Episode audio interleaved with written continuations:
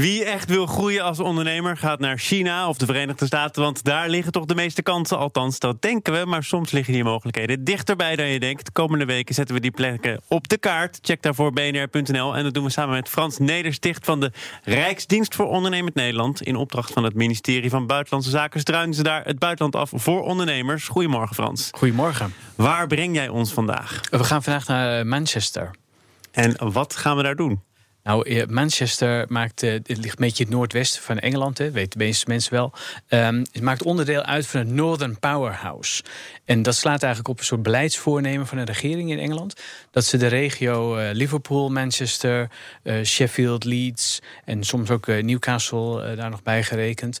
Um, dat die zelf uh, de gelegenheid krijgen om uh, geld dat bedoeld is voor economische ontwikkeling uit te geven. Nou, Blijft die regio achter dan? Zo klinkt het een beetje alsof die extra gestimuleerd moet worden. Nou, dat sowieso. Maar je, hebt natuurlijk in Engeland is, uh, mensen, de, mensen die in Londen wonen, die denken dat er buiten Londen niks meer bestaat. dat is niet zo. die regio is economisch van oudsher vrij sterk geweest altijd. en zou ook als het een land zou zijn, zou het een land zijn met 9 miljoen inwoners en een van de grootste economieën van Europa. Oké, dus kansen genoeg. Welke kansen precies voor dat Northern Powerhouse? Ja, in, in, nou, in Manchester gaat het met name om de Manchester Corridor. En dat is een, een uh, life sciences en health campus. de grootste life sciences en health campus van Europa. Um, het biedt plaats aan twee gerenommeerde universiteiten, onderzoekscentra, innovatieve start-ups. Allemaal op het gebied van gezondheidszorg.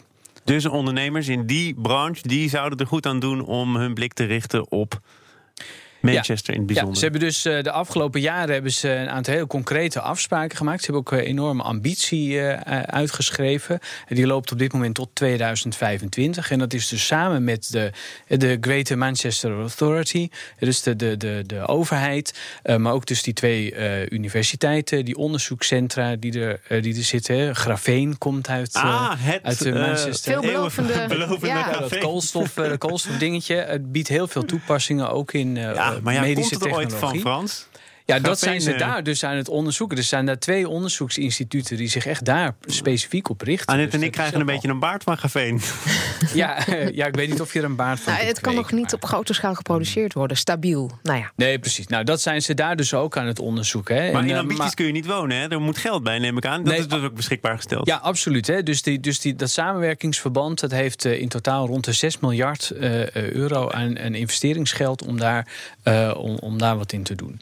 En je sprak over die corridor. Dat betekent dat niet alleen de grote reuzen mee kunnen doen, maar juist ook de wat kleinere ondernemers, denk ik. Dan? Ja, absoluut. Het is heel geschikt voor, uh, echt voor MKB'ers en voor kleine innovatieve start-ups. Uh, en het komt dus ook vanwege die, die gedecentraliseerde regelgeving, dat die, dat die lokale overheid op al dat geld zit. En uh, met, die, met die universiteiten, dat die lijntjes die zijn heel erg kort.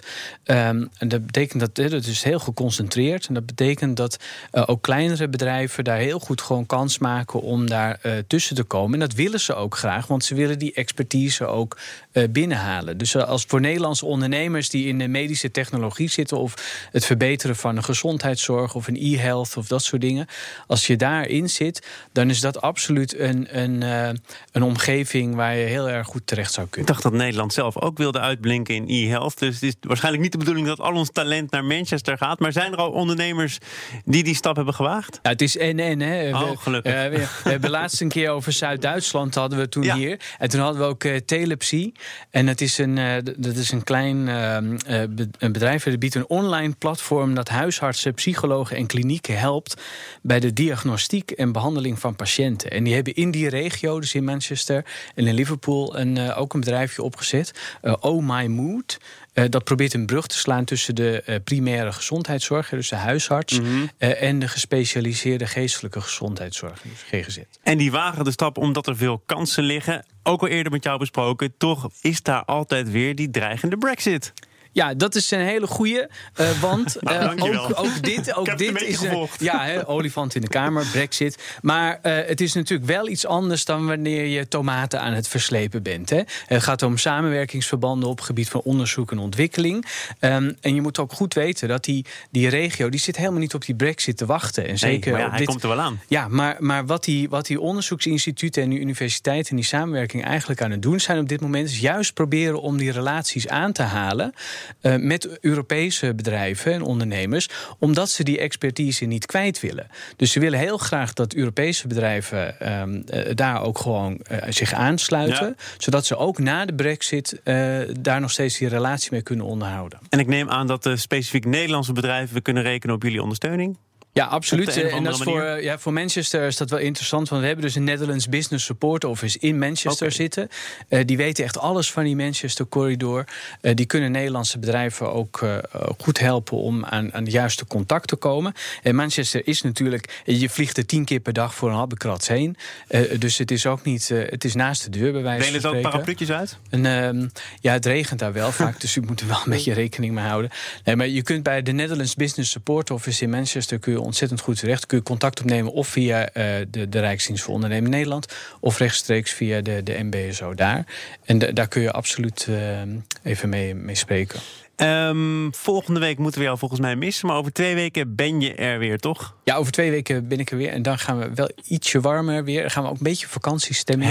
Uh, ja, gaan we het over de, de jachtbouw in, uh, in Italië hebben. Oké, okay, nou, ik uh, kan niet wachten. Ik zal het wel doen. Tot over twee weken. Frans Nedersticht van de RVO.